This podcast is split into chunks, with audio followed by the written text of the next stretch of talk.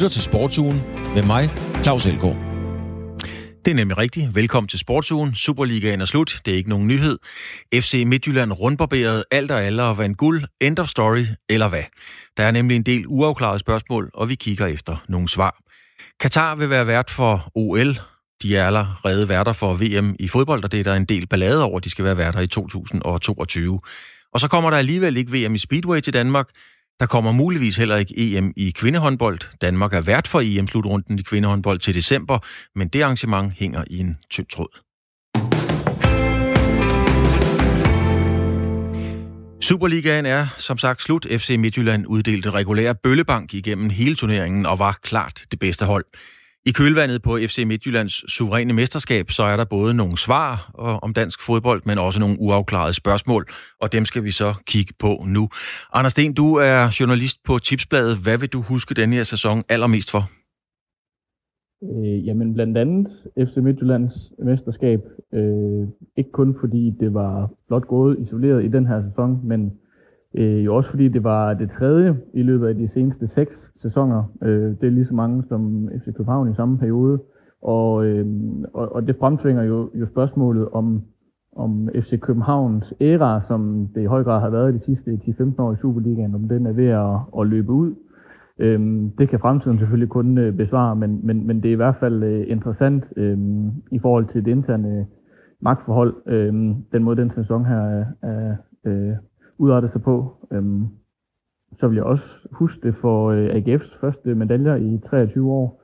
Øh, nu har vi efterhånden ja, nærmest i, i lige så længe et, et talt og skrevet om, hvor, øh, hvor stort et, et potentiale der vil være i at, at få, øh, få AGF på, på ret kurs, og, og med den by og det opland, øh, der, der lå bagved. Øh, øh, og, og de har jo så også øh, fejret det øh, i, i, i flere omgange. Øh, så, så det vil jeg også huske det for, fordi det er en stor historie for Superligaen, at øh, AGF øh, tager medaljer endelig, kan man sige.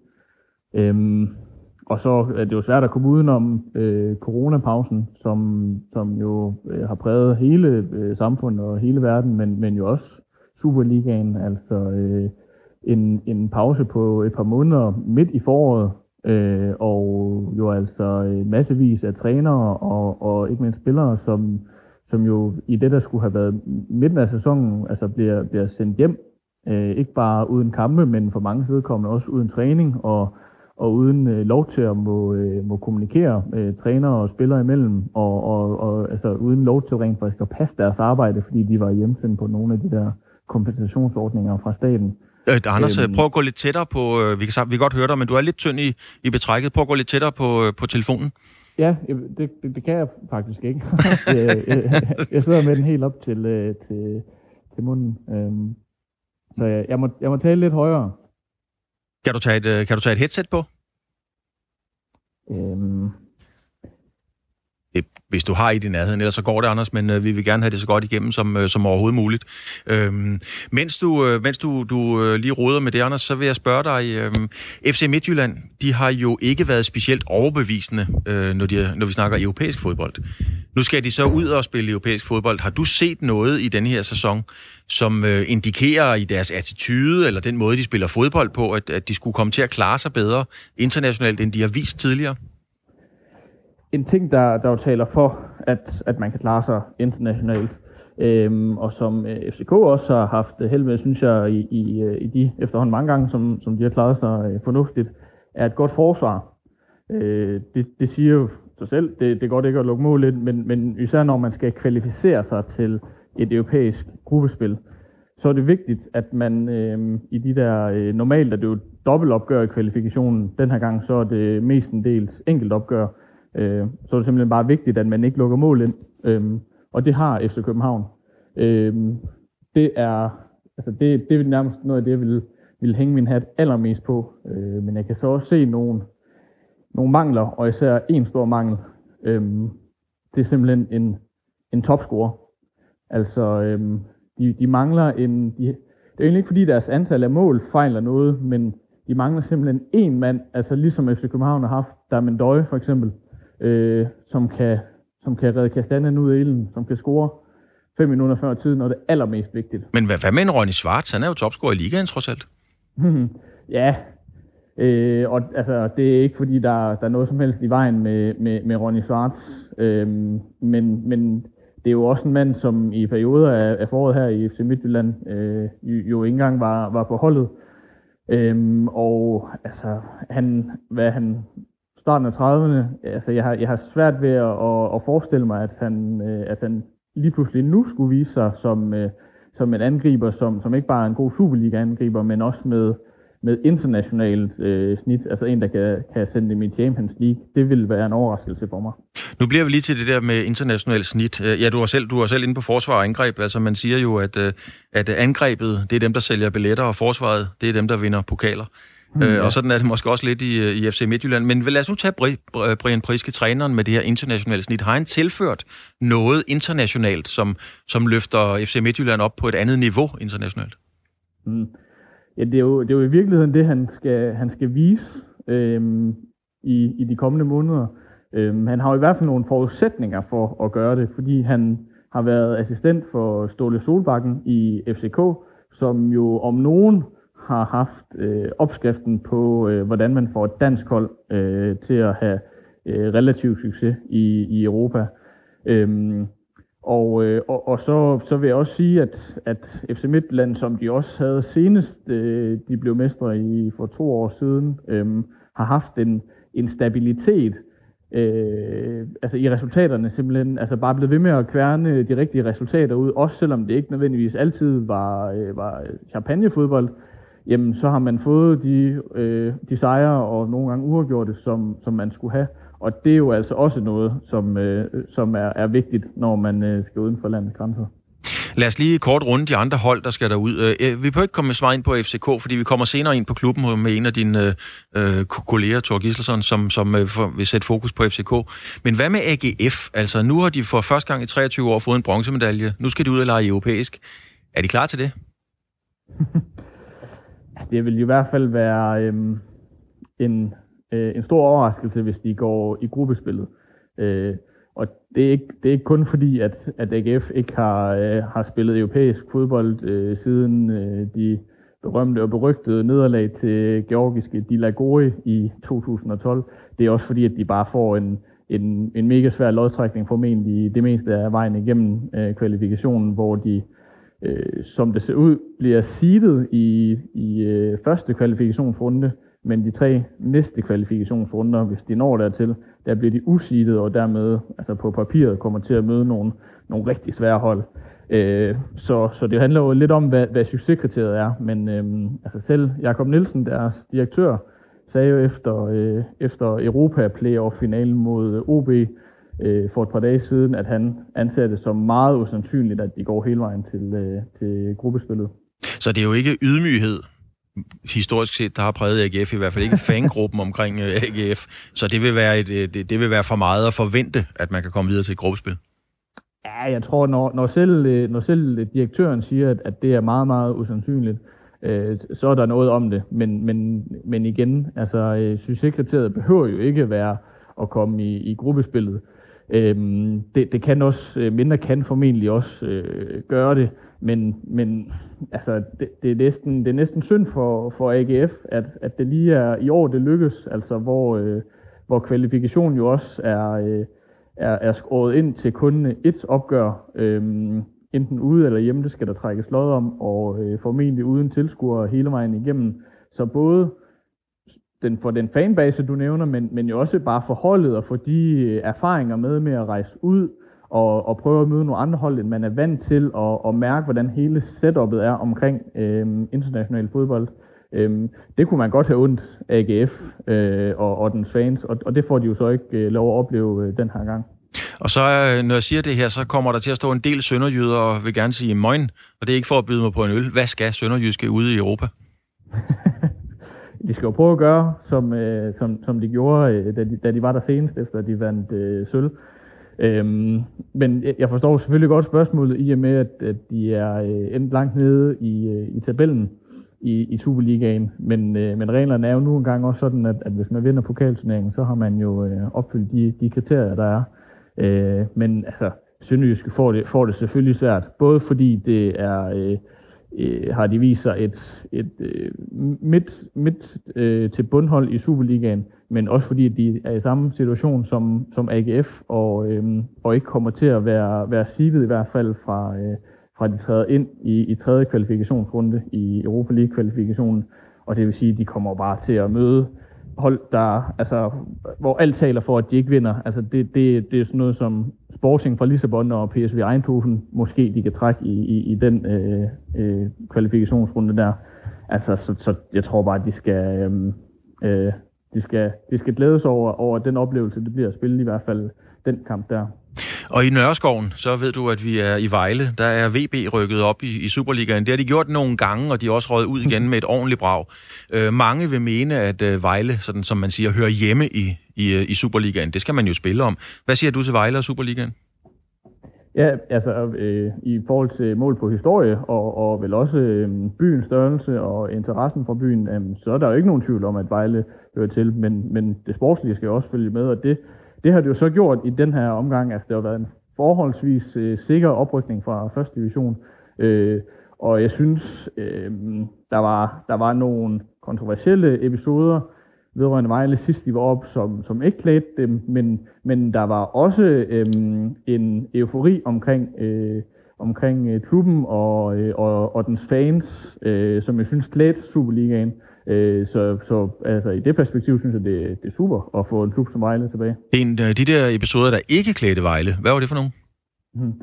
Ja, men det var jo blandt andet øh, træneren, der fik en... Øh, Adolfo Somani? Øh, ja, ja, Adolfo Somani, som, øh, som I vist også talte om for, for et par uger siden, øh, da, da I havde fokus på Vejle, som, som jo blandt andet fik en, en karantæne, og, og så alligevel... Øh, øh, var, var i kontakt med, med noget af sit, øh, sit personale i løbet af kampen. Øh, det var den, øh, ja, vi kan vi godt kalde det skandalekamp mod, mod AGF, øh, hvor, hvor det blandt andet endte med, at en af Vejle-spillerne øh, samlede en, en skraldespand, der stod ved siden af banen op og kastede det efter en, en, en linjedommer, øh, og samme linjedommer vist også blev, blev udsat for kasteskyt fra tribunerne, tror jeg. Øhm, Øh, så, så sådan nogle historier pynter selvfølgelig ikke på det. Øhm, øh, men, øh, men, men som jeg også tror, konklusionen var, dengang jeg havde fokus på Vejle for, for et par uger siden, eller, eller var det sidste uge, øh, at, at der virker til at være noget mere øh, ro på sådan de der øh, sådan lidt mere spektakulære historier. Anders Sten, øh, hver sæson har jo øh, skal vi sige, sin, øh, sin gennembrud, og nogen popper op, og nogen kommer tilbage osv. Hvis nu vi kigger på talenterne, hvem er det, der i dine øjne er slået igennem? Altså, hvem er blevet den største profil i Superligaen i år? Øh, den største profil har, har ikke været et talent. Øh, det, det har været Erik Svirchenko. Han, han har vundet både efterårsprofil og forårsprofil i, i tipsbladets scoringer, som er, øh, som er trænerne, Superliga-trænerne, der går det. Øh, men, men nogle af de talenter, der, der er slået igennem, øh, altså det, er jo, det er jo nærliggende at, øh, at se på nogle af FC Nordsjællands. Øh, Mohamed Kudus, som lige er skiftet til Ajax, øh, vidste vi godt var god i forvejen og virkelig stod igennem. Øh, I vinter kom øh, Kamaldin Sulemana, i hvert fald for mange vedkommende, ud af det blå, øh, og har jo, har jo virkelig vist sig som, som en mand, der både kan, kan, kan drible og, øh, og score mål.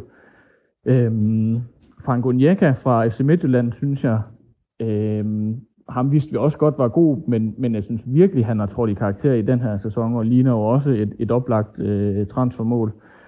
Øh, Mohamed Darami i FC København, øh, også øh, virkelig en, et, et talent, der, der er begyndt at, at blive indfriet der. Øh, så synes jeg også, det er værd at nævne Jeppe Kær i AC Horsens. Nu er det, nu er det nogle af, af de bedre hvad man siger, topklubberne, vi har nævnt øh, spillere fra. Altså, Jeppe Kjær i AC Horsens, som øh, i marts debuterede på sin 16-års fødselsdag i Superligaen. Øh, den yngste Superliga-debutant nogensinde. Øh, og med mindre reglerne bliver lavet om, så er der ikke nogen, der kommer til at slå den øh, rekord, fordi man, som det ser ud nu, skal man være 16 for at få debut i Superligaen. Øh, og det fik han jo så, da han var 16 år og 0 dage gammel.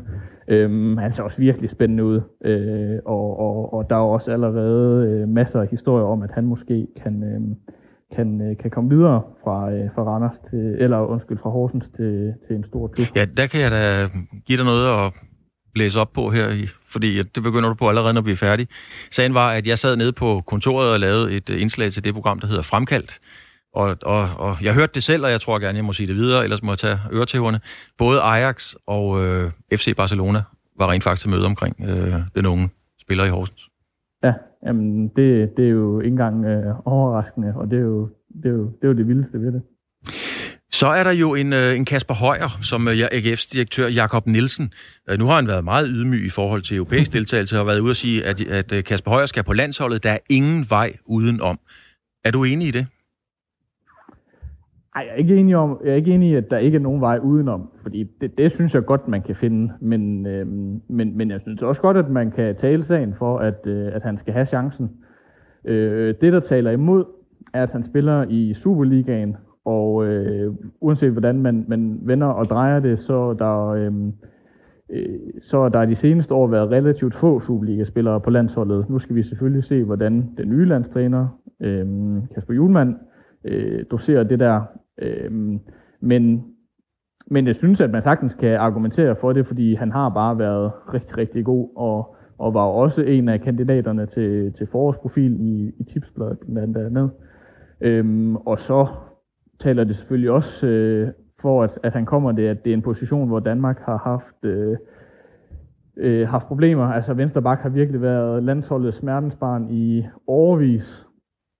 Øhm, og altså, de sidste par år har vi jo spillet med en højrebenet Jens Strøge Larsen på, på den position, og ikke et ondt ord om, om hans indsatser, men, men jeg tror, at de fleste øh, trænere vil vælge en med venstreben, hvis, øh, hvis, hvis de ellers øh, havde alle andre øh, hvad man siger, egenskaber i, i, i samme, samme klasse som, som den højrebenede spiller. Øh, så det er jo også noget, der potentielt kan, kan hjælpe ham, at han spiller en position, hvor, hvor vi ikke er lige så stærkt besat som for eksempel lige ved siden af i midterforsvaret. Anders Sten, vi når ikke mere i denne her omgang. Journalist på, på Tipsbladet, tak for dit øh, indblik i, hvordan sæsonen gik i dansk fodbold. Selv tak.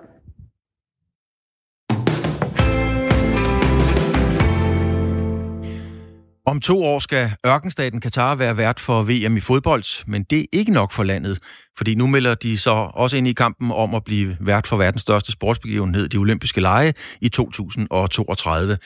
Stanis Elsborg, du arbejder for Play the Game, som har fokus på etik og moral i sportens verden. Altså Katar vil gerne være vært for det hele, i hvert fald når det kommer til sport. Og om to år, ja, så skal landet som sagt være vært for en af de helt store begivenheder, nemlig VM i fodbold.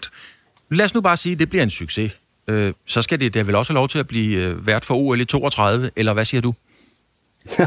ja, det er, det er et godt spørgsmål, klar. Altså, først og fremmest så bliver det en succes.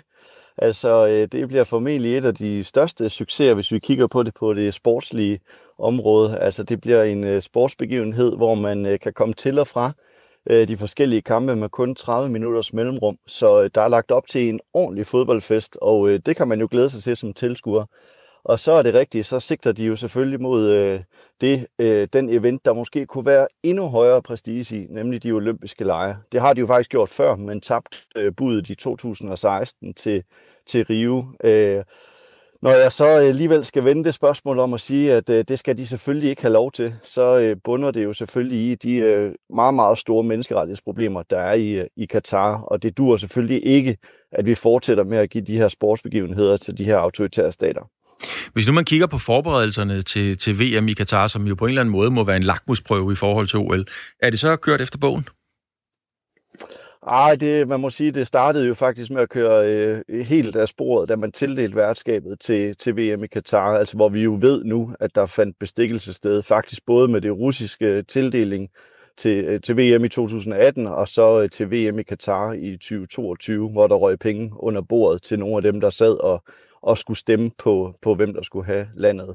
Sidenhen er det jo sådan set øh, ikke gået meget bedre, øh, hvad angår øh, korruptionsanklager, eller for den tages skyld behandling af de migrantarbejdere, der er i Katar, som der jo er over 2 millioner af. Og vi skal huske på, at det er en nation, som jo kun har en befolkning på omkring øh, 2,5-2,7 millioner. Øh, og der har man altså over 2 millioner migrantarbejdere, og en del af dem det er så ganske vist kun en brøkdel af dem, de arbejder på, på VM-byggerierne til 2022.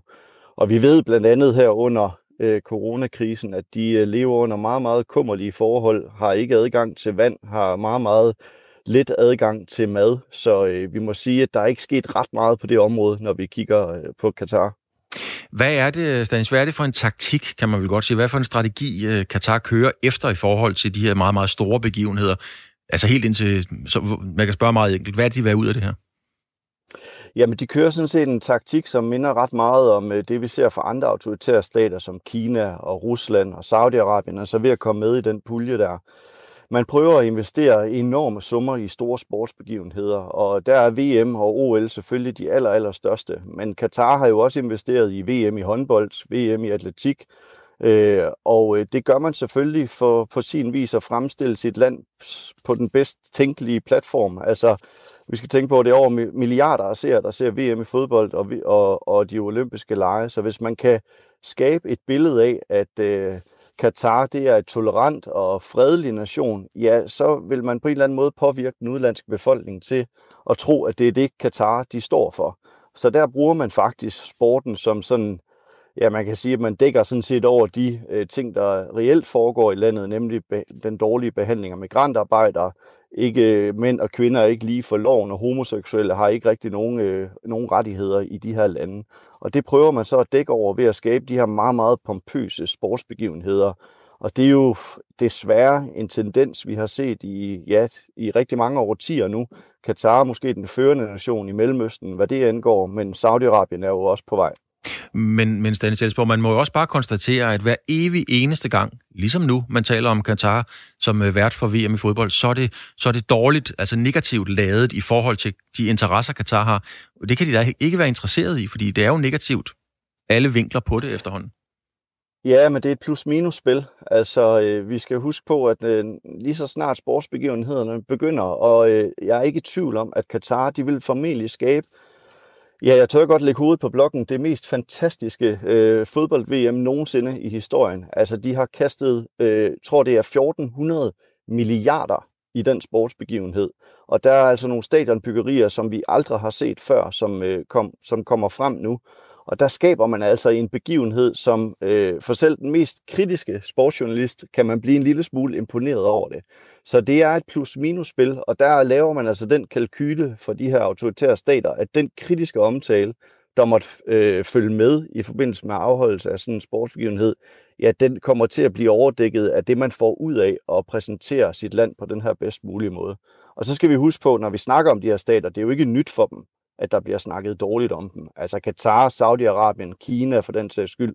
Øh, Amnesty International har jo lagt pres på dem i årtier, så det er ikke nyt for dem. Øh, nu prøver man bare at dække over det ved at bruge sporten. Men det er jo sådan, at man skal altid lade tvivlen komme den anklagede til gode. Og nu er Katar ude med en charmekampagne øh, omkring VM, der hedder Generating Amazing, øh, hvor et, en danske landsholdsspiller, Nadia Nadim, er en af frontfigurerne og fortæller om, om øh, sin historie som en del af, af kampagnen. Er det ikke godt, at man bruger et forbillede som Nadia Nadim i sådan en sammenhæng? Og men jeg synes, at øh, man, man bliver nødt til at forstå, og Nadia Dim bliver også nødt til at forstå, at hun selvfølgelig øh, bliver spændt bag en politisk vogn. Altså når Katar afholder store sportsbegivenheder, eller de laver tiltag som Generation Amazing, så er det altså ikke for sportens skyld. Så er det et politisk projekt, hvor man prøver at skygge over nogle af de ting, der foregår i ens nation man kan vente om at sige, at hvis uh, Nadia mener, at det er den eneste måde, hun kan komme ud med sin historie på, ja, så er der, svigter vi andre jo i uh, sportspressen, fordi vi vil selvfølgelig også gerne lægge platform til det, og jeg mener ikke, at uh, det bør være Katar, som uh, i virkeligheden udnytter de historier. Og hun er ikke den eneste, altså vi har jo også store sportsstjerner, som uh, den tidligere spanske fodboldspiller Savi og David Beckham fra England, som jo uh, også er en del af den her charmeoffensiv for Katar. Men charmeoffensiv ja. for Katar, er det også en charmeoffensiv for Nadia Nadim? Er det forkert i din optik, at hun stiller op i sådan en kampagne? Ja, jeg synes, man bør rådgive hende bedre i, i, i de her situationer. Altså, der er ingen tvivl om, at hun er bare en del af det politiske spil, som Katar de har kørt i årtier nu, og vi skal huske på, at de fik tildelt værtskabet i, i 2010, og der er altså ikke sket nævneværdige, nævneværdige ændringer på menneskerettighedsområdet. Øh, det kan være vanskeligt at klage, øh, anklage et individ for at øh, fortælle sin egen historie. Øh, man skal bare være opmærksom på, at man er en del af hele det politiske projekt, som Katar de har kørt i stilling. Og der er det klart, at de rækker ud til nogle af de største sportsstjerner, og Nadia Nadim er et stort navn i kvindefodbolden. Og hvis man kan prøve at skabe et billede af, at kvinder og fodbold, det også er meget, meget velkommen i Katar, ja, så har de jo lykkedes med deres imageforbedrende aktiviteter. Men hvis man går ind og forbyder Nadia Nadim det her, eller rådgiver hende til at lade være, gør man så ikke lige præcis det, at man blander sport og politik sammen, og, og det vil man jo gerne være fri for?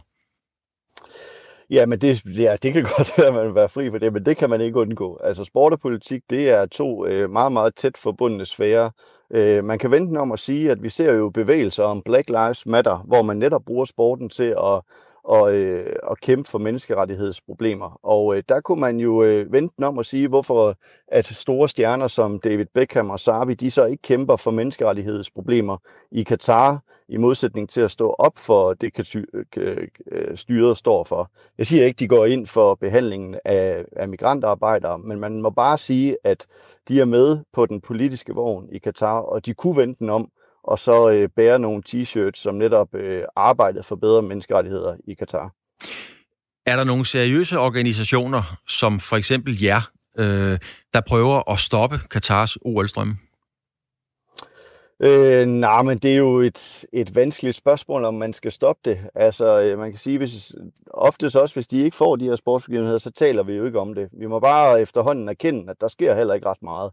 Altså, øh, Rusland har afholdt vinter-OL, VM i fodbold. Kina har afholdt OL i 2008, har vinter-OL i 2022. Katar har afholder et øh, VM og har også klub-VM i, i to år i streg, og vil så nu gå efter de olympiske lege. Og øh, der, vi må sige, at øh, der sker ikke meget på menneskerettighedsområdet, og øh, vi Men kæmper jo, selvfølgelig det, for det. I, det er jo blandt andet for ja. sådan nogen som jer ikke gør noget konkret. Mm, ja, man kan sige, nu er, vi, nu er vi ikke sat i verden for at gøre specifikt noget konkret der, men vi er jo sat i verden for i hvert fald at, at øh, skabe bedre ytringsfrihed for atleter, og selvfølgelig også skabe mere demokrati i sport. Og øh, den anklage vil jeg, vil jeg godt lige, øh, lige have lov at knytte en kommentar til, fordi jeg synes, vi gør meget, og jeg synes, at der er rigtig dygtige journalister ude i verden, der gør rigtig meget.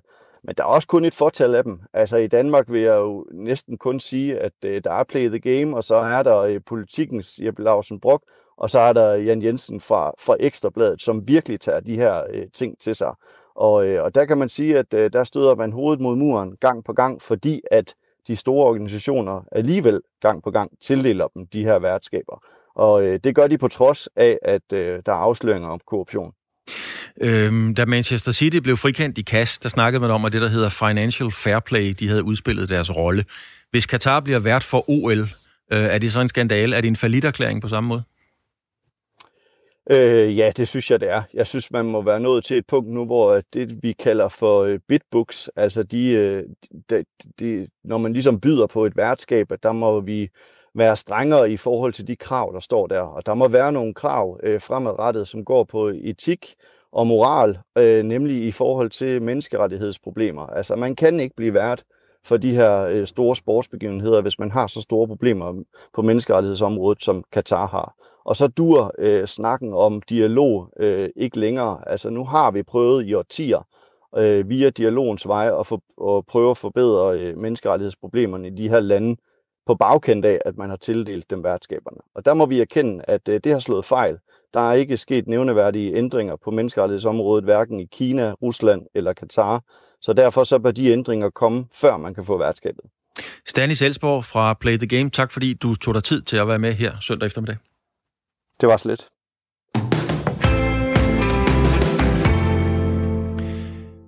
Vojens Speedway Center skulle lægge slakker til en VM-afdeling i Speedway, og det var helt præcis den 12.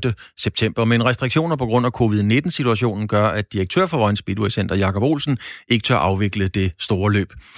Jakob Olsen, du er som sagt direktør i Vojens Speedway Center. Du tør ikke binde an med VM-afdelingen 12. september, fordi du ikke kan få nogle klare informationer fra regeringen eller fra officielt hold. Jeg ved, du har været til møde med erhvervsminister Simon Koldrup. Er du skuffet over den behandling, du har fået? Hej Claus, jeg, ja, nej, jeg ved ikke, om jeg er skuffet. Altså, øh, vi er jo i en situation, ligesom så mange andre, ikke? og øh, vi lytter og, og agerer jo selvfølgelig også i markedet, hvordan øh, Sundhedsstyrelsen øh, anbefaler, hvad vi skal gøre. Ikke? Men det er klart, at det har været et stort knæk for os, det her. Øh, også fordi at vi havde ren optur i det hele sidste år, ikke? og fik gang i Vojens igen. Øh, men der er ingen tvivl om, at Øh, kritisk vil jeg godt være omkring øh, hele det spil, der har kørt. Altså, som, som situationen er nu, så har regeringen jo sådan set øh, 1. september, der er Danmark jo helt normalt igen. Men øh, det ved vi jo godt, der kommer nye restriktioner. Og der må jeg bare sige, med arrangementer som, som vores med 15.000 tilskuere og 250 øh, frivillige, der, der hjælper til, og alt muligt, der, der, skal, der skal sættes i gang, det kan vi ikke arrangere på 12 dage, og derfor har vi simpelthen været nødt til at træffe den her beslutning. Men Jacob, hvad er det for nogle, hvad er det helt konkret for nogle manglende informationer?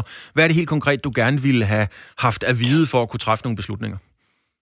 Jamen, jeg vil gerne have haft i en tidligere fase en, en, en form for indikation af, jamen, hvor kan man støtte op omkring de her projekter her, øh, eller ikke projekter, arrangementer, øh, både økonomisk, men også øh, øh, en, en, en klar retningslinje for, jamen, hvor ligger vi hen i, i september? Ikke? Nu ser vi fodboldspiller med, øh, med 8-10.000 tilskuere, hvilket jeg synes er rigtig, rigtig fint, og de har styr på det. Og det er siddende gæster, ikke? Vi har lavet en plan, som ligesom skulle øh, være med stående gæster i, i områder, og måske sidde på klapstol og sådan nogle ting, og det, det er vi ikke kommet igennem med. Men, men det er klart, at at øh, vi har heller ikke kunne få noget at vide, altså øh, om, om hvordan situationen er fra 1. september, og det har været meget, meget frustrerende for os. Men hvis jeg kigger ud i vores øh, redaktionsrum her, der kører jo forskellige skærme med nyheder på, øh, så kan jeg læse, at øh, i det nordlige Spanien, der er smittetallet sådan, som man er ved at overveje fraråd og, og tage der til. Der er undtagelsestilstand i Melbourne og udgangsforbud, og i Ringsted, der er et slagteri, der er hårdt ramt af corona. Hvad kan du forlange, at regeringen egentlig skulle sige til dig? Fordi det er jo ret uoverskueligt. Jamen, fuldstændig enig, øh, Claus, Så det er jo... Øh, det, det, jeg har egentlig ikke forlangt, at, at regeringen skulle ligesom melde ud og så sige, okay, nu skal I bare se at komme i gang. Men det er klart, at når for eksempel fodbold har levet op til de øh, aftale, de har lavet med regeringen om, at de må have 8.000 tilskuere til deres arrangementer og spille fodbold, øh, så synes jeg jo, at det har været lidt svært for os at forholde os til, at vi kun må være faktisk 500 inklusiv officials og udøvere. Øh, og det er, jo, det er jo sådan, reglerne er nu, og det, det respekterer jeg, og det forholder vi os til. Jeg synes bare, det har taget for lang tid at, at ligesom komme med den rigtige øh, information om, hvordan det skulle være. Hvad kommer det her på kort sigt til at betyde for Vojens Speedway Center? Fordi det, som du siger, det er et stort arrangement, og du har jo formentlig ansat ja. nogle folk til ligesom at afvikle det. Jo, altså det, det er klart, at øh, jeg havde jo ansat en, en, øh, en event manager, som skulle skaffe nye events til Vojens Speedway Center, altså noget, som ikke var med Speedway at gøre. Og der var jeg jo nødt til at skære ind til benet og fyre hende desværre. Øh, en dygtig pige øh, efter en kort periode, ikke, hvor hun var der halvanden måned cirka, og øh, den konsekvens øh, har jeg jo nødt til at, været nødt til at tage, og så er der ingen tvivl om, at så har jo mine medarbejdere jo hjemsendt på lønkompensation, og det, det, det betyder jo selvfølgelig også, at det, det har jeg været nødt til at gøre, men øh, men, men det gør også, at, at effektiviteten omkring øh, selskabet har også stået lidt i stå her hen over sommeren. Ikke? Men, øh, men nu er vi nødt til at kigge fremad, og heldigvis har vi jo Grand Prix næste år øh, den, øh, den 11. september, og, og vi har en DM-finale den 30. september, som vi simpelthen har valgt at sige, den kører vi uanset, hvor mange mennesker vi må have inde. Så øh, ja, det, det, det er et hårdt år, og jeg glæder mig til nytårsaften og man ligesom kan sige, at nu er det her år kørt, fordi der har ikke været ret meget til år. Det har der altså ikke. Hvad betyder det her for, for Dansk Speedway lige nu? Ej, men det, ja, det, det betyder nok mere, end, end folk er klar over. Altså, det, det er... Det er altså, jeg synes jo, det er meget ærgerligt, at vi ikke får en VM-afdeling af Grand Prix i, i Danmark, ikke? Og øh, vi har nogle danske kører, der præsterer rigtig godt. Vi har Leon Madsen, der blev nummer to sidste år, ikke? Og Mikkel Mikkelsen, der er på vej frem som ligger lige på kanten af Grand Prix. Og, jamen, vi, øh, vi har nogle fantastiske, dygtige kører, og jeg synes, sporten er en, en god udvikling herhjemme. Så, men øh, vi kan ikke gå ved det, og øh, det kan ikke nytte noget at sætte sig ned i hjørnet og pive over det, fordi det her, det er, det, det er konsekvensen for, for den her ja, forfærdelige øh, en pandemi, der, der, der er herude, ikke? og øh, det rammer os alle sammen på, på en eller anden måde. Jakob Olsen, direktør af Vojens Speedway Center, tak for orienteringen, og øh, tak fordi du har tid til at være med her sådan en øh, søndag. Ja, selv tak, Claus. Hej. Og det var altså Jakob Olsen, og nogen kunne jo godt genkende stemmen øh, med hans berømte far Ole Olsen, og nu sagde Jakob jo, øh, hej Claus og så videre, det var jo hans fars varemærke, hver gang han lavede et interview, så tiltalte han jo intervieweren, og det var i gamle dage med navn, du er Jørgen Sten, og så du er Gunnar, og så videre. Og den har Jakob Olsen altså også snart øh, øh, hvad hedder det, arvet. Og når jeg siger det, så er det fordi, at inden længe, så kan I nemlig møde Ole Olsen i programmet Fremkaldt.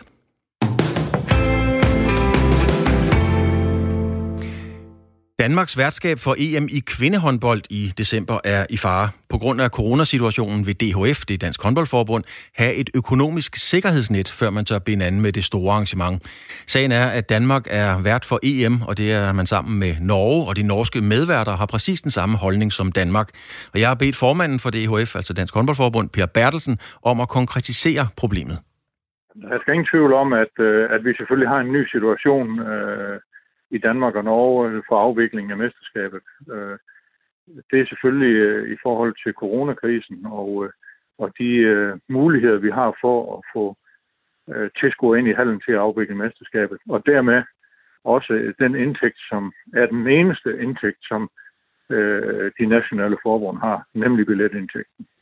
Og hvis vi kun øh, som udgangspunkt kan have 500 inden, så, øh, så får vi et kæmpe underskud i, øh, i dansk håndbold, og øh, det har vi ingen interesse i. Øh, det er den ene side, at den anden side er jo også, at øh, vi øh, afholder et mesterskab, øh, ikke for at tjene penge, men øh, simpelthen for at give vores piger det skub, der skal til, øh, ind i en øh, ny tid, hvor vi håber på, at de hele tiden kan blikke øh, blandt top 4, Øh, og øh, det gør vi jo selvfølgelig med, at de kan afvikle et mesterskab på dansk grund, altså på hjemmebane, og også det, at de har øh, 10, 12, 15.000 mennesker på lægterne til at bære dem igennem.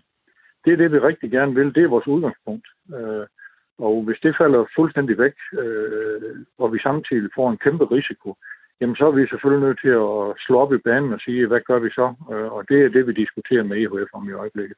Men, men jeg skal lige forstå det rigtigt. Økonomien i det, leder I efter, at EHF eksempelvis går ind og dækker øh, et tab, hvis der kommer en restriktion, der siger maks 500 tilskuere? Vi øh, leder sammen med Norge efter en, øh, en øh, løsning, øh, som, øh, som øh, på en eller anden måde holder os, øh, holder os på et nul. Øh, hvordan det kan lade sig gøre eller ikke lade sig gøre, det må vi tage stilling til øh, i næste i den kommende uge, hvor vi har nogle telefonmøder. Øh, og så må vi prøve at kigge på, øh, hvordan og hvorledes det kommer til at se ud. Vores udgangspunkt er klart. Vi, Danmark og Norge, afholder mesterskabet. Øh, vi skal bare have fundet en løsning på økonomien. Men i de her tider, hvor at øh, flere medier, eksperter osv. jo frygter en bølge 2 i covid-19, der må det være meget, meget svært at gå ud og finde de penge, for det er jo ikke småpenge, vi snakker om.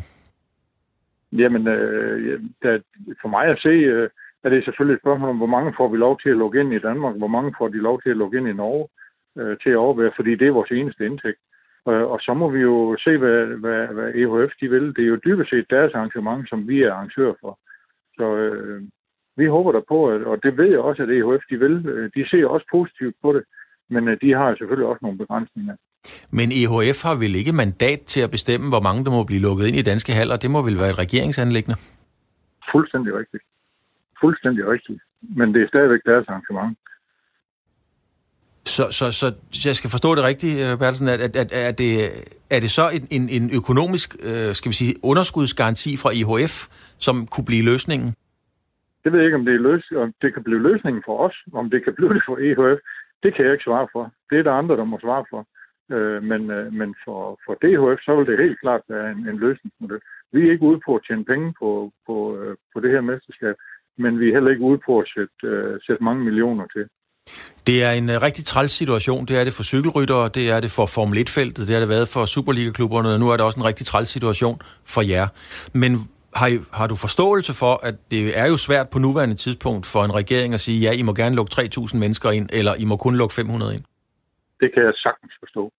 Det kan jeg sagtens forstå. Øh, der, hvor jeg måske har øh, mit problem, mine problemer, det er, at, at det er 500, og så er det bare 500. Jeg synes, at øh, man er nødt til at kigge på, og det er ikke kun i forhold til håndbolden, det er generelt, øh, at, at hvad er det for nogle faciliteter, der er til rådighed, og så må man vurdere på dem. Der er en stor forskel på, om vi, øh, om vi øh, spiller i, øh, i Frederikshavn, eller vi spiller i boksen i Herning, som boksen kan tage op til 15.000 mennesker. Øh, Frederikshavn kan tage 2800, så vidt jeg husker, eller 3.000. Og der synes jeg, der er en stor forskel på, om 500 fylder i den ene eller i den anden. Og der synes jeg måske, at man skal gå ind og, og, og, og graduere det og finde en løsning på at sige, jamen i den her arena, øh, der er der mulighed for at gøre sådan, ligesom fodbold har gjort. Altså, man har set, øh, når der er slutrunder i kvindehåndbold, øh, så er der nogle lande, som, øh, som ikke trækker så mange tilskuere, altså når det bliver afviklet i, i, i andre lande end lige Danmark og, og Norge. Hvor stor vurderer du sandsynligheden for, at, at der kan være et andet arrangørland, der bider til, hvis Danmark og Norge siger, at det her det kan vi ikke bære? Jamen det er jeg sikker på, der er, der er nok, der gerne vil, af, der gerne vil afvikle det. Så, så det tror jeg ikke for EHF, det bliver noget problem. Det Hvor, tror jeg ikke. Hvornår, men, men hvornår, det er kun tro. Hvornår er der en øh, deadline? Fordi det er jo et meget stort arrangement, hvis det skal flyttes osv. Der er en masse logistik omkring det. Hvornår er der en deadline for, hvornår øh, Danmark og Norge skal ligesom have en melding og sige, vi gør eller vi gør ikke? Altså, vi forhandler jo løbende. Øh, lige, lige de sidste 14 dage har det, været, øh, har det kun været mellem Danmark og Norge, med, øh, mellem den norske præsident og jeg, der har diskuteret de her ting. Men øh, nu fra næste uge, så, så går vi i gang igen, og øh, der, der diskuterer vi også med HF. Jeg vil ikke sætte en deadline på, fordi det er noget, vi alle tre parter skal være enige om, øh, om, om vi gør det, og i, på hvilken grundlag vi gør det. Men det er så stor en økonomisk byrde, øh, både for Norge og for Danmark, hvis vi ikke øh, øh, får flere indtægter. Og selvom vi så får lov til at åbne helt op, hvis vi forestiller os det er fuldstændig øh, øh vanvittigt, at vi får lov til at lukke fuldstændig op, øh, Øh, så har vi jo heller ikke en garanti for, at folk de synes, det er interessant at komme til at stå i en halv ved siden af 12.000 andre mennesker og råbe sig det kan, det kan jo sagtens give en, en, en kæmpe udfordring alligevel at få solgt billetterne. Kan du sætte et tal på, hvor mange penge er det, man leder efter for, at DHF tør sige, ja, vi vil gerne arrangere EM i håndbold? Nej, det vil jeg ikke på nuværende tidspunkt. Øh, vi ved selvfølgelig, at øh, vi har et budget, der ligner noget, der ligner 18 millioner. Og nu er det, vi allerede begyndt at reducere i, øh, så, så øhm, det, det kan jeg ikke lige umiddelbart sætte tal på PT. Så det kom der altså ikke noget tal på, men dog, at øh, der er et budget, der ligner øh, 18 millioner kroner. Kenneth Thysen, du er journalist på Jyllandsposten, og du beskæftiger dig rigtig meget med håndbold og følger det mildt sagt meget, meget tæt. Der er flere ting i det, som Per Bertelsen, altså formanden for Dansk Håndboldforbund, siger. Blandt andet siger han, at han er sikker på, at der er andre lande, der både kan og vil tage over. Er du enig i, at EM-slutrunden eventuelt kan afvikles i et andet land? Øh, ja, det kan godt lade sig gøre at få det afviklet i et andet land, men, men jeg er ikke lige så skråsikker som Per Bertelsen. Nu, nu tror jeg, han ved noget mere om det, hvad der foregår i de forhandlingslokaler, end jeg gør. Men, men jeg, jeg synes, det er optimistisk. Altså, af de 16 øh, deltagende lande i VM, så er det lige frem til, at det var sådan cirka halvdelen, øh, lidt over halvdelen, som enten de har afholdt et internationalt øh, mesterskab, eller skal gøre det inden for de næste 3-4 år. Øh, så, så det synes jeg ikke sådan nogen bare stinker, at man vil have øh, lysten til at gøre det igen, og med fire måneder, øh, ja, små fire måneder til afholdelse. Øh, med hvad det kræver 16 forskellige nationer, og det skal være de her 4-5 arenaer uden øh, dommer, observatører og forbundsdelegerede, hvad ved jeg. Øh, altså man plejer at bruge forskellige måneder på at forberede sådan en slutrunde, hvad angår i marketing, kommunikation, øh, logistik, sikkerhed, alle mulige ting frivillige. Øh, jeg synes ikke, det virker sådan vildt, vildt attraktivt, øh, hvis nu jeg sad og, øh, og var præsident i et af de andre, øh, andre lande og skulle tage sådan en på mig. Det vil sige, at øh, Danmark og Norge har måske i virkeligheden et, et reelt pressionsmiddel over for det europæiske håndboldforbund, velvidende, at der måske ikke er så mange, der står i kø, altså, så, så man kunne få øh, IHF til at komme ind og give en underskudsdækning? Jeg tror i hvert fald, at Per Berlesen, han vil, han vil synes godt om, men jeg, jeg, kan, jeg kan ikke lige se, hvem det skulle være. Så skulle det være nogle af de små, øh, mindre håndboldnationer, øh, som, som vil tage sådan en chance der. Men, men for de store, øh, hvis du ikke tæller Danmark og Norge, har vi sådan Tyskland, Frankrig med. Altså, de har jo i den grad også deres at, at bøvle med. Så Tyskland øh, lige nu i Bundesligaen begynder jo først i, i oktober. Der snakker man også om ingen tilskuer, så jeg kan ikke se, hvordan at det lige skulle løses med, at, at det skulle være, øh, at der skulle være tilskuer der. Øh, og, og skal du overtage sådan en, øh, en, en kæmpe post, som der er afviklet slutrunde, hvor at, du ved, det er ikke engang sikkert, at vi kan få tilskud ind. Øh, og Per Bertelsen taler om 18 millioner, øh, som det vil koste, hvis nu Danmark ikke får, øh, får, får entréindtægter. Jeg, jeg synes ikke, det virker særlig attraktivt for at være helt ærlig. Altså når man kigger, vi har lige haft øh, Jakob Olsen igennem, der har fortalt om, at man har aflyst 12. september, skulle man være vært for en VM-afdeling i Speedway. Det er blevet aflyst, fordi man ikke kunne få nogen garantier for, hvor mange mennesker, mm. der måtte blive lukket ind. Og som jeg også sagde til Jakob, altså hvis man kigger på situationen ude i Europa, Belgien er ved at lukke ned, Spanien, det ser ikke så godt ud i Nordspanien, øh, Tyskland, Danmark osv. Øh, er reelt e, øh, EM i reelt i fare? Åh, det er virkelig et godt spørgsmål. Øh, det ved jeg virkelig ikke, om det er. Øh, for jeg ved, øh, at DHF vil gå rigtig, rigtig langt for at få afviklet mesterskab. Man har jo også en, en lang række samarbejdspartnere, som man har en, øh, en masse økonomiske forpligtelser overfor. Og, og som Per Bertelsen også nævnte øh, til dig før, så er det jo også DHF, der arrangør på det. Så, så DHF står jo ikke som, som de eneste, der skal træffe den beslutning. Øh, og DHF har, ved jeg, et stærkt samarbejde med alle de arenaer på dansk grund, man skal afvikle det øh, hvor der formentlig også er stor velvillighed for at få det til at ske. Øh, Morten Stig nævnte jo et tilbage i marts-juni, øh, da det var det, det norske øh, justitsministerium, som havde et lovforslag omkring øh, indrejseforbud i Norge, hvilket betød selvfølgelig, at man ikke kunne afvikle, øh, afvikle de her øh, kampe i Norge, hvor så Danmark skulle være enevært. Og der sagde Morten Stig på det tidspunkt, at, at det vil man jo godt kunne gøre, selvom det var tæt på det umulige kunst, men det vil kræve noget. Så jeg synes bare, der er, der er mange ting, der indikerer, at det er enormt vigtigt for Danmark at få, øh, få afviklet det her mesterskab. Og Morten Stig, det må være Morten Stig Christensen, altså generalsekretær i, Dan- i Danmarks eller i Dansk Håndboldforbund. Øh, men det her, det er jo ikke kun, øh, jo, det er jo penge lige i øjeblikket, men der er også nogle sportslige konsekvenser. Altså, hvad, det, det er jo nok ikke det her Jesper Jensen, den nye landstræner, hverken havde håbet eller, øh, eller har brug for at få sådan en start som ny landstræner.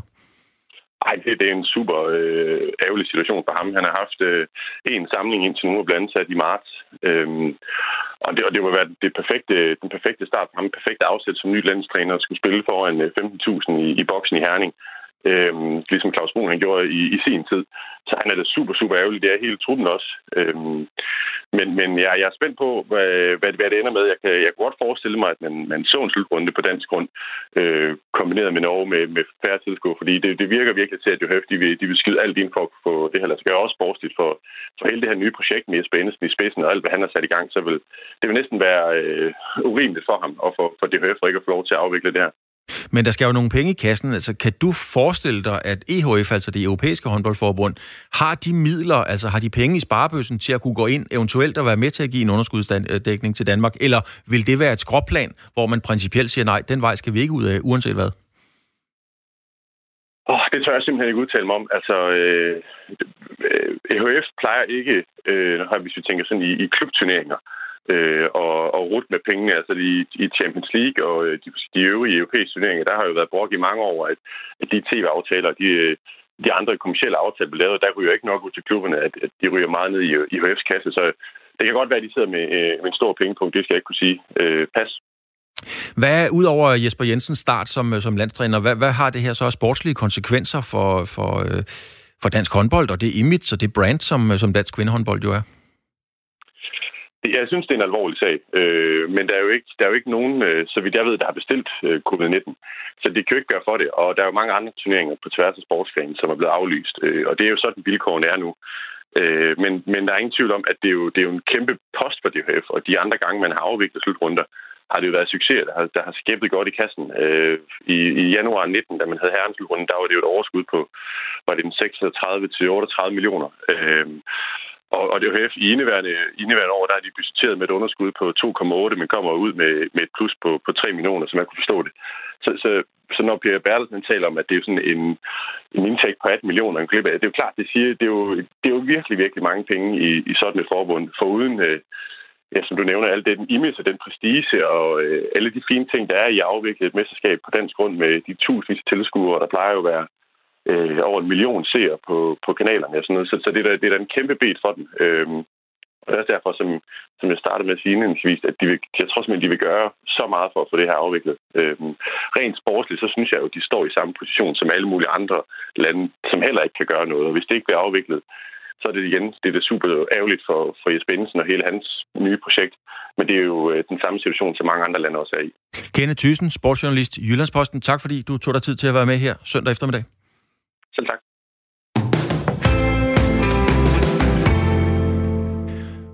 Coronaen hæver altså videre øh, ude i verden, og ikke mindst i USA, hvor der kæmpes en meget hård kamp mod den virus. Og det sætter også sin tydelige spor i sportens verden og i verdens bedste liga for amerikansk fodbold, det vi kender NFL, melder flere spillere nu ud, at de ikke vil spille fodbold, mens epidemien står på. Og det seneste navn er Damian Williams, der er running back hos Kansas City Chiefs. Mathias Sørensen, du er journalist hos øh, NFL-sitet Gul Klud, og du er med hos os nu. Kan du ikke lige gøre os klogere på, hvad er det her for noget? Altså kan en amerikansk fodboldspiller bare sige, jeg vil ikke spille, og så siger klubberne helt fint øh, og er ok med det? Ja, det kan de sådan set, fordi at ligaen og spillerforeningen har her op til sæsonstart, som jo er i, i september, har forhandlet en aftale på plads om, hvordan man skal afvikle øh, først og fremmest den her træningslejr, som begynder nu her op til sæsonen, og selve sæsonen øh, her under de her coronaforhold. Så man har simpelthen forhandlet, ja, hvad der egentlig er en ny overenskomst på plads, øh, om hvordan man, man gør det her, hvordan rammerne for det skal være. Og i den er der altså en, en lavet en aftale om, at spillerne kan vælge at sige, at de har ikke lyst til at spille, og dem, der frivilligt vælger det, de øh, får et beløb, der svarer til ca. 900 950.000 kroner, og de, og de spillere, som så har en eller anden sygdom, som gør, at de kan være i en, i en ekstra risikofyldt, eller de i den her risikogruppe i forhold til coronavirus, de, øh, de får så et beløb, der svarer til 2,2 millioner. Så det er simpelthen en aftale, man har lavet om, at, øh, at spillerne de kan, de kan vælge at gøre det. Hvor mange spillere har konkret meldt fra indtil videre? Jamen, lige som vi sidder nu her, er det en 20-30 stykker. Vi så en hel del i starten af ugen, og det var formentlig fordi, at holdene skulle møde ind til de her træningslejre, og hvis spillerne de ikke mødte op uden en eller anden ordentlig grund, så ville de få dagbøder. Så, så der kom et rimelig stort ryg tirsdag, og så er det ellers sådan røbet lidt med navnene her, her hen over ugen. Men hvad, er, øh, hvad går begrundelserne på, når de melder fra? Jamen, det er jo dybt personlige årsager. Øh, nogen har øh, nær familie, som er i risikogruppen, og så vil de ikke udsætte sig selv og dermed dem for at blive, ud, for at blive smittet med coronavirus. Øh, det, det er typisk dem, øh, og så varierer det sådan lidt om. Der er også nogen, der selv, øh, der er en, han har tidligere haft kraft, øh, som, har, som har meldt fra at spille, fordi det vil han ikke. Øh, det gør så, at han er måske lidt mere udsat. Øh, så, så det er meget personlige årsager, og det er også derfor, at langt de fleste af de her spillere bliver mødt med støtte fra, øh, fra virker det til i hvert fald, de, langt de fleste af deres medspillere, og også hele sammen, eller miljøet omkring i NFL. Hvordan bliver det taget? Altså en ting er, at der er lavet nogle regler og nogle overenskomster, men hvordan tager fans, øh, klubber og NFL øh, imod det, når der bliver meldt fra? Jamen, det virker som sagt, som om der er rimelig stor forståelse for det. Igen, det er jo nogle dybt personlige årsager, og, og det, er, det kan jo i sidste ende være liv, der står på spil her. Så der virker til at være en, en, en forståelse for, at det her jo er ret alvorligt, og, og de her spillere øh, afmelding eller fremmeldinger for den her sæson bliver også taget rimelig godt imod. Som sagt, nu nævnte du at Damien Williams og en af hans holdkammerater øh, har også meldt fra. Han er uddannet læge, Laurent Duvernay Tadisto, og han er meldt fra øh, som en af de første. Og det er simpelthen, fordi han vil bruge efteråret på at, at arbejde, øh, ja, eller bruge sin uddannelse som læge til at, at hjælpe med at bekæmpe coronavirus. Og det har, fået, det har, det har han fået støtte fra, fra holdet set store stjerne, øh, Patrick Mahomes, der quarterback osv. Så, så det er blevet taget rimelig godt imod. Hvor, hvor skadeligt er øh, de her afbud, kan man sige, for produktet eller brandet, hele det her outfit, som øh, NFL er? Fordi mange af NFL-spillerne, de står jo som, øh, som billeder på den amerikanske drøm at komme ud af ghettoen, mm. og, og alt det, vi bygger op, hele myten omkring det. Er det her skadeligt for, for, kan man sige, for det brand? Nej, det ved jeg egentlig ikke som sådan, om det er. Altså, med alle respekt til dem, der har, der har sagt fra indtil videre, så er det ikke øh, måske nogle bærende kræfter på de hold. Jo, der er selvfølgelig nogle, nogle halvstore navne imellem, men det er ikke, der er ikke, vi har ikke set nogen af de her øh, store øh, quarterback-profiler endnu meldt fra, og, og når, hvis, når, eller hvis det sker, så, så er det virkelig noget, der kan ændre et hold skæbne, men at, altså det er min Williams, han er en god running back, men, men lige præcis den position, han spiller, er en, hvor man måske kan finde en, øh, der, der kan erstatte ham som forholdsvis nemt, og, og, og du var nødt til hans holdkammerat, der han, han er jo heller ikke en af de bedste i ligaen på sin position. Så, så de spillere, vi har set indtil nu, er, der er som sagt nogle store navne imellem, men det er ikke nogen, der sådan der måske gør, at de her hold, de spiller på, øh, i hvert fald, hvad man kan gætte sig til, hvordan de vil klare sig i sæsonen, at det er ændret sig helt vildt. Så, så man kan sige, at den sportslige balance er, er so far ikke blevet markant ændret? Nej, egentlig ikke. Altså, og vi ser også, øh, nu, nu er der lige New England Patriots, hvor der er syv, der har meldt fra, men ellers er det en eller to spillere per hold indtil videre, øh, der er kommet frem. Og, og igen, der er jo nogle, nogle profiler imellem, men, men det er ikke nogen, hvor man sådan tænker, hold op, det, nu, nu ser det virkelig skidt ud på det hold her. Nu siger du selv, at der er ikke nogen af de store quarterbacks og så videre, som øh, indtil videre, og det er jo heller ikke sikkert, at der kommer nogen, men hvad er din fornemmelse, hvis der kommer et, et afbud fra en af superstjernerne? Hvordan, hvad siger din fornemmelse i forhold til, hvordan det vil blive modtaget?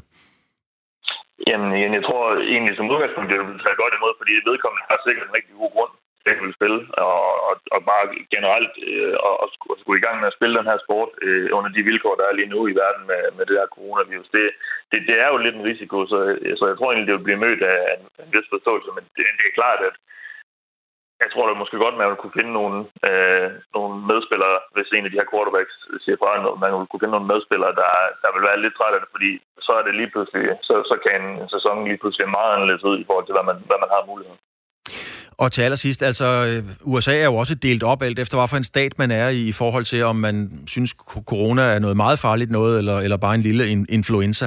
Altså er der også forskel på den måde, det bliver modtaget i de forskellige stater, alt efter hvor holdene hører hjemme? Nej, min fornemmelse er egentlig, at det, det er nogenlunde øh, jævnt fordelt i forhold til, til... Der er jo selvfølgelig nogle stater og så videre, hvor det, som også du siger, hvor det er ekstra slemt. Øh, og, og, i, og de hold, der er der, der, der er måske også tilbøjeligt til, at der kan være flere. Det, det har vi ikke, ikke set indtil videre. Øh, så, så det, jeg tror egentlig, der er, som, som også jeg har nævnt øh, tidligere, som sagt, så, så, så virker det til, at der er en, en forståelse for, at det, for, at det her det er en meget alvorlig situation. Og de spillere, der vælger at sige fra, de øh, har som regel en god grund til at gøre det. Også. Og selv hvis man bare er bange for det, eller ikke har lyst til at skære coronavirus, så er det jo også en helt fuldt ud legitim grund til at sige fra. Mathias Sørensen fra Gul Klud NFL site. Tak fordi, at du havde tid til at være med. Nu er der nyheder, og efter dem så bliver vi ved emnet omkring coronasituationen i USA.